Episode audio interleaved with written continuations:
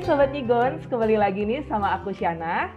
Dan saya Stefani. Oke Sobat Nigons, selamat menonton dan selamat mendengarkan Nigons episode 2, edisi Tahukah Kamu Vaksin COVID-19 part yang kedua. Nah, gimana nih Sobat Nyigon semuanya? Pasti pada penasaran banget kan? Kira-kira di episode 2 part yang kedua ini kita bakal bahas apa aja sih? Iya nih Sobat Nigons, pasti udah pada penasaran banget nih kan? Kita bakal bahas apa aja sih di part 2 ini. Nah, makanya Sobat Nigons terus nonton dan dengerin kita ya sampai habis. Dan pastinya di episode 2 part 2 ini kita masih dengan narasumber keren kita yaitu ada Dr. Brang. Hai Dr. Brang. Halo. Oke Kak Steph, kita langsung aja nih balik ke intinya aja sih sebenarnya di part 2 ini kita mau bahas apa gitu kan. Nah, Dok, ini kan uh, aku sendiri mungkin sobat Nigons atau bahkan dokter sendiri sering banget nih kayak dapat broadcast-broadcast gitu kan uh, di media sosial, contohnya kayak di WhatsApp, apalagi kayak di grup keluarga gitu. Aku tuh sering banget kayak dapat info, berita atau kayak broadcast-broadcast gitu tentang sesuatu. Apalagi karena ini lagi musim pandemi COVID-19, aku tuh sering banget beri, dapat berita tentang info-info kesehatan gitu, pokoknya tentang kesehatan. Nah, info-info yang beredar ini kan gak semuanya bener kan ya dok. Ada juga yang gak bener beritanya, sumbernya gak jelas dari mana ya kan. Menurut dokter sendiri nih, gimana sih perasaan dokter gitu kan pas ngeliat berita bohong atau hoax-hoax yang beredar di masyarakat gitu kan, terutama yang menyangkut tentang kesehatan. Um, kalau saya kebetulan dapat forward atau dapat baca ya satu informasi seringnya lewat WhatsApp ya, ya seringnya ya. Itu yang tidak benar tentang kesehatan baik itu secara umum maupun COVID. Reaksi saya yang pertama biasanya ah! gitu ya. Uh, kok bisa begitu? Gitu ya. Karena kadang-kadang memang hal yang disampaikan itu ada beberapa kategori sebetulnya ya. Ada informasi yang tidak benar tapi tidak berbahaya ya salah-salah dikit nggak apa-apa lah kasarannya begitu ya. Uh, tapi ada juga informasi yang tidak benar tapi bisa sangat berbahaya jika diikuti atau bisa menimbulkan salah paham misalnya. Sehingga kemudian misalnya kalau kita bicara vaksin covid ya orang jadi tidak tidak berani atau tidak mau divaksin misalnya. Padahal mereka tidak ada faktor resiko sebetulnya tapi mereka jadi ketakutan misalnya begitu. Saya kasih contoh ya eh, salah satu informasi yang eh, cukup banyak beredar eh, di Australia itu adalah bahwa vaksin yang diberikan itu nanti bisa mengubah DNA-nya manusia sehingga ada lagi yang mengatakan vaksin COVID itu rekayasanya Bill Gates katanya gitu. Supaya nanti secara jarak jauh Bill Gates bisa mengendalikan DNA DNA manusia yang sudah menerima vaksin. Itu semua berita-berita yang tidak benar, tidak mungkin terjadi. Secara biologi itu tidak mungkin terjadi,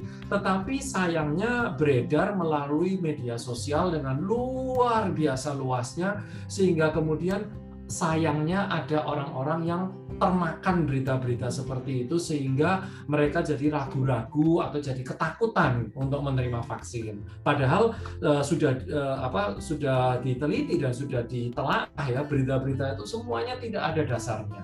Ya.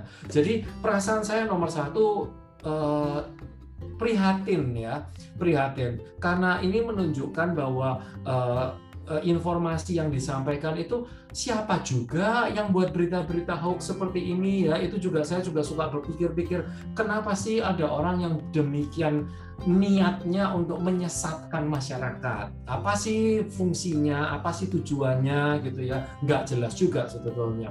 Tapi itu reaksi saya yang pertama kalau saya menerima berita-berita yang seperti itu. Dan yang kedua reaksi saya adalah bagaimana ya supaya saya bisa membantu meluruskan berita-berita yang tidak benar itu. Karena seperti saya katakan tadi orang-orang yang tersesat karena mempercaya berita bohong ini kan kasihan sebetulnya mereka menganut pemahaman yang keliru dan mereka tidak tahu yang benar itu sebetulnya yang mana atau mereka lama-lama bingung ya kok di sini bilang begini di sini bilang begini si itu bilang begini ini bagaimana ini nah itu bagaimana caranya mudah-mudahan melalui bincang-bincang kita ini ada satu dua lah yang bisa kita luruskan mudah-mudahan seperti itu. Nah dok, ngomong-ngomong tentang berita bohong atau hoax yang tersebar di masyarakat, terutama melalui media sosial nih ya, nih ya.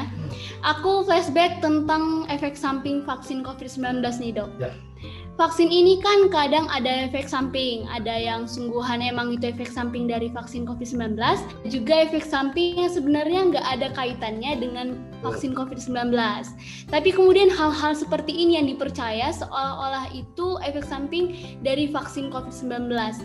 Kadang nih ya dokter, eh, dokter udah menjelaskan, udah diselidiki, dan juga udah sampai ada bukti penelitiannya, dan pasiennya tetap ngeyel. Nah, kalau kondisi seperti ini kira-kira gimana ya, dokter? Oke. Terima kasih. Memang memang agak sulit ya memecahkan masalah seperti ini ya. Agak sulit saya harus akui agak sulit. Seperti kita semua ketahui, pengembangan uh, ilmu kita, pengetahuan kita tentang penyakit COVID sendiri, tentang virusnya, dan tentang vaksinnya, ini masih berkembang terus. Jangan lupa penyakit ini baru mulai ada Desember 2019, belum lama ya. Bedakan dengan TBC yang kita udah uh, udah nggak tahu udah berapa puluh tahun lah kita kenal TBC itu apa ya. Ilmunya udah mantap istilahnya. Itu pun masih berkembang terus. Apalagi penyakit yang relatif masih baru ya. Sehingga bisa dipahami kenapa orang itu uh, orang-orang mengkait-kaitkan beberapa hal dengan COVID meskipun menurut penelitian itu sebetulnya tidak ada hubungannya. Analoginya beginilah ya analoginya tuh kalau ayam berkokok di pagi hari terus kemudian matahari terbit di timur. Ya nah apakah kokok ayam itu yang menyebabkan matahari terbit Uh, sebetulnya ya kita semua tahu tidak ya. Karena kalau ayamnya berkokok jam 12 malam mataharinya tidak mungkin keluar jam 12 malam. Sebaliknya di tempat-tempat di mana tidak ada ayam matahari terbit juga meskipun tidak dipanggil sama ayam ya. Nah jadi ini menunjukkan bahwa kalau uh, suatu hal misalnya suatu suatu penyakit itu timbul setelah divaksin belum tentu penyakit itu disebabkan oleh vaksinnya memang ada kondisi-kondisi tertentu yang mungkin memang berkaitan dengan vaksin tersebut. Ya, sampai saat ini yang ingin saya sampaikan kepada semua pendengar adalah percayalah dan yakinlah bahwa para ilmu kedokteran, para ilmuwan, para klinisi ya, para dokter di lapangan ya, para petugas kesehatan, kami ini memantau semua yang terjadi itu kami pantau, semua yang terjadi kami catat dan kami selidiki. Apakah memang ini ada hubungannya atau tidak? Ya, kalau kalau suatu hal itu terbukti ada hubungannya atau dicurigai ada hubungannya, maka protokol pemberian vaksin akan kami ubah. Dan ini sudah terjadi beberapa kali, ya. E, seperti misalnya vaksin yang tadinya bisa diberikan oleh semua orang dari 18 tahun ke atas, Ternyata setelah diteliti lebih jauh, oh sekarang lebih baik 30 tahun ke atas saja yang diberi. Mungkin 50 tahun ke atas saja yang diberi. Mungkin seperti itu semua masih berkembang terus, berkembang terus karena itu memang perlu diselidiki. Nah, bagaimana kalau sudah seperti Stefani bilang tadi ya, kalau sudah diselidiki dan sudah ketahuan ini tidak ada hubungannya, ya bagaimana dengan pasien yang masih tetap percaya? Ini pasti disebabkan. Ya sampai hari ini masih ada juga orang yang percaya bahwa matahari terbit karena dipanggil oleh ayam yang berkokok ya meskipun kita semua sudah tahu dari uh, astronomi dan sebagainya itu semua tidak ada hubungan sebab akibatnya. Ini kalau sudah begini masalahnya adalah masalah kepercayaan ya. Eh, bagaimana seberapa jauh kita mempercayai profesi tenaga kesehatan ya bahwa tenaga kesehatan itu punya komitmen sudah mengambil sumpah untuk melindungi keselamatan masyarakat ya. Sehingga kalau kita menyampaikan suatu informasi maka niscaya itu sudah diberikan dengan tulus dan jujur dan sesuai dengan pengetahuan terbaik. Kami hanya bisa berharap semoga warga masyarakat bisa percaya kepada apa yang kami sampaikan Mungkin itu aja. Baik, dokter. Nah, dokter, berarti kalau kita dapat info atau berita tentang sesuatu, kita kan harus nyari tahu dulu ya, Dok, kebenarannya dari sumber yang tepat. Nah, kalau info atau berita tentang kesehatan sendiri, ada nggak sih dok sumber-sumber terpercaya atau literatur terpercaya yang bisa kita akses untuk melihat info berita yang faktual dan aktual di bidang kesehatan? Oke, okay. um, kalau untuk secara umum saya kira di seluruh dunia itu uh, sumber yang perlu kita percaya adalah sumber-sumber resmi dari pemerintah. Dan ini berlaku untuk negara mana pun ya. Uh, karena uh, mana ada sih pemerintah yang ingin menyela, mencelakakan penduduknya sendiri. Kalau penduduknya kemudian uh, sampai menjadi korban, kemudian berguguran, kan ya negaranya juga hilang. Siapa lagi yang mau jadi pemerintah kalau tidak ada yang diperintahkan begitu, ya. Dan jadi kita memang perlu mempercayai bahwa uh, petugas-petugas pemerintah yang sudah kita percayai untuk menjalankan negara kita itu orang-orang yang bertanggung jawab dan orang-orang yang mengusahakan yang terbaik untuk kita semua. Jadi saran saya nomor satu kalau di Indonesia adalah uh, informasi resmi yang dikeluarkan dari Kementerian Kesehatan, ya, dari badan-badan resmi pemerintah yang lain, dari dinas kesehatan, ya, karena memang mereka ini adalah orang-orang yang sudah kita percaya dan pekerjaannya sehari-hari adalah mengumpulkan data, menganalisis data, dan membuat kebijakan yang sesuai dengan data yang ada. Itu yang nomor satu.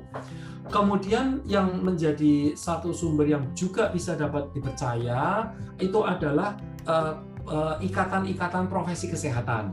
Jadi seperti Ikatan Dokter Indonesia misalnya ya. Terus kemudian uh, kolegium istilah kolegium itu adalah kumpulan-kumpulan dokter-dokter spesialis kolegium ilmu penyakit dalam, ilmu penyakit paru, misalnya uh, COVID ini kan penyakit sistem pernafasan ya. Jadi uh, yang menjadi apa yang yang yang spesialisasinya di bidang itu adalah penyakit paru, penyakit dalam misalnya dan ada juga misalnya bagaimana COVID pada anak. Nah, maka acuannya adalah kolegium dokter spesialis anak, Ikatan Dokter Anak Indonesia misalnya. Nah, ini adalah badan-badan profesional yang bisa kita percaya ya untuk memberikan informasi yang benar yang berdasarkan bukti ilmiah dan bisa dipertanggungjawabkan. Kalau bagi mereka yang ingin mencari sumber-sumber internasional ya eh, Organisasi Kesehatan Dunia World Health Organization itu adalah satu sumber yang cukup bisa dipercaya. Memang saya paham ada beberapa pihak yang mengkritik kebijakan-kebijakan WHO, tetapi tetap saja uh, perlu diingat bahwa WHO itu uh, tempat duduknya banyak sekali pakar-pakar dari berbagai negara. Kebetulan saya ada kenal beberapa konsultan WHO yang bergerak di bidang COVID. Ya, saya kenal pribadi dengan mereka dan saya tahu kualitas dan integritas mereka itu seperti apa. Mereka tuh bukan orang-orang yang bisa dibeli dengan uang, istilahnya begitu. Jadi WHO itu bisa menjadi acuan kalau di Amerika khususnya ada beberapa institusi independen yang cukup bagus. Misalnya kita bisa mengacu pada website yang namanya uh, uh, WebMD misalnya itu punyanya Medscape ya. Medscape itu pakar-pakarnya juga luar biasa, kompet, uh, kompetensinya luar biasa ada sumber-sumber seperti Mayo Clinic misalnya yang memang punya misi sosial, ada misalnya seperti Johns Hopkins University misalnya itu salah satu center pendidikan kesehatan masyarakat yang paling bereputasi di dunia. Dan jadi intinya institusi-institusi yang besar bandingkan dengan forwardan yang lewat WA yang kadang-kadang tidak jelas juga ini yang membuat sebetulnya siapa siapa pun bisa menulis apa pun kalau tidak kita organisasi seperti badan pemerintah atau badan profesi atau perguruan tinggi, maka siapa pun bisa menulis siapa pun, apa pun. Saya dokter umum ya, eh, saya pakar di bidang kesehatan masyarakat, tapi status saya dokter umum. Tapi kalau saya sedang iseng, bisa saja saya nulis WA, saya bilang bahwa vaksin COVID itu begini, begini, begini, kemudian saya tulis di bawahnya tanda tangan, saya adalah Profesor Lang Ling Lung, ahli vaksin COVID ternama sedunia Padahal itu sebetulnya saya saja yang menulis ya, saya yang dokter umum ini yang menulis, tapi saya pura-pura jadi Profesor Lang Linglong. Itu bisa saja. Dan kemudian kalau saya forward forward orang mungkin begitu lihat namanya Profesor Lang Linglong langsung, "Uh, ini pasti profesor, pasti benar informasinya." Padahal belum tentu demikian. Jadi selalu cross check, selalu recheck dengan sumber-sumber yang tadi sudah saya singgung. Oke nih, dok. Sobat Nigons yang lagi nonton ataupun dengerin podcast ini bisa dicatat nih karena kan tadi udah dibilang kalau dapat berita harus selalu di cross check ke sumber-sumber yang terpercaya yang tadi udah disebut juga sama dokter Bral. Nah dok, yang terakhir juga nih ada pesan-pesan gak nih buat sobat Cigon semuanya nih dok, yang lagi nonton atau dengerin podcast ini tentang hoax-hoax yang beredar di masyarakat gitu, khususnya tentang kesehatan. Oke, terima kasih. Kalau pesan saya uh, untuk uh, untuk uh, semua pendengar atau pemirsa adalah uh, selain cross check and recheck tadi, saya mohon kalau menerima satu pesan melalui media sosial, tolong jangan cepat-cepat di forward ke grup lain atau ke orang lain ya, karena uh, sebelum kita cek sendiri dan kita harus cek betulan itu ya. Uh, apa namanya apakah berita itu benar atau tidak ya. Ada ciri-cirinya sih berita hoax atau berita bohong itu ada ciri-ciri umumnya. Misalnya begini kalau banyak tulisan dengan huruf besar semua caps lock gitu ya. Atau dengan banyak boldnya banyak tanda serunya. Apalagi kalau di bawahnya ada pesan sebarkan seluas mungkin ini bisa menyelamatkan nyawa dan dan sebagainya. Pokoknya ada bombastis begitulah ya, lebay gitulah pesannya maksudnya ya. Nah itu perlu diwaspadai karena karena komunikasi kesehatan yang berdasarkan sumber-sumber resmi tidak pernah dikomunikasikan dengan cara seperti itu ya. Jadi penyampaiannya bahasanya tuh tidak pernah bombastis apa seperti itu ya.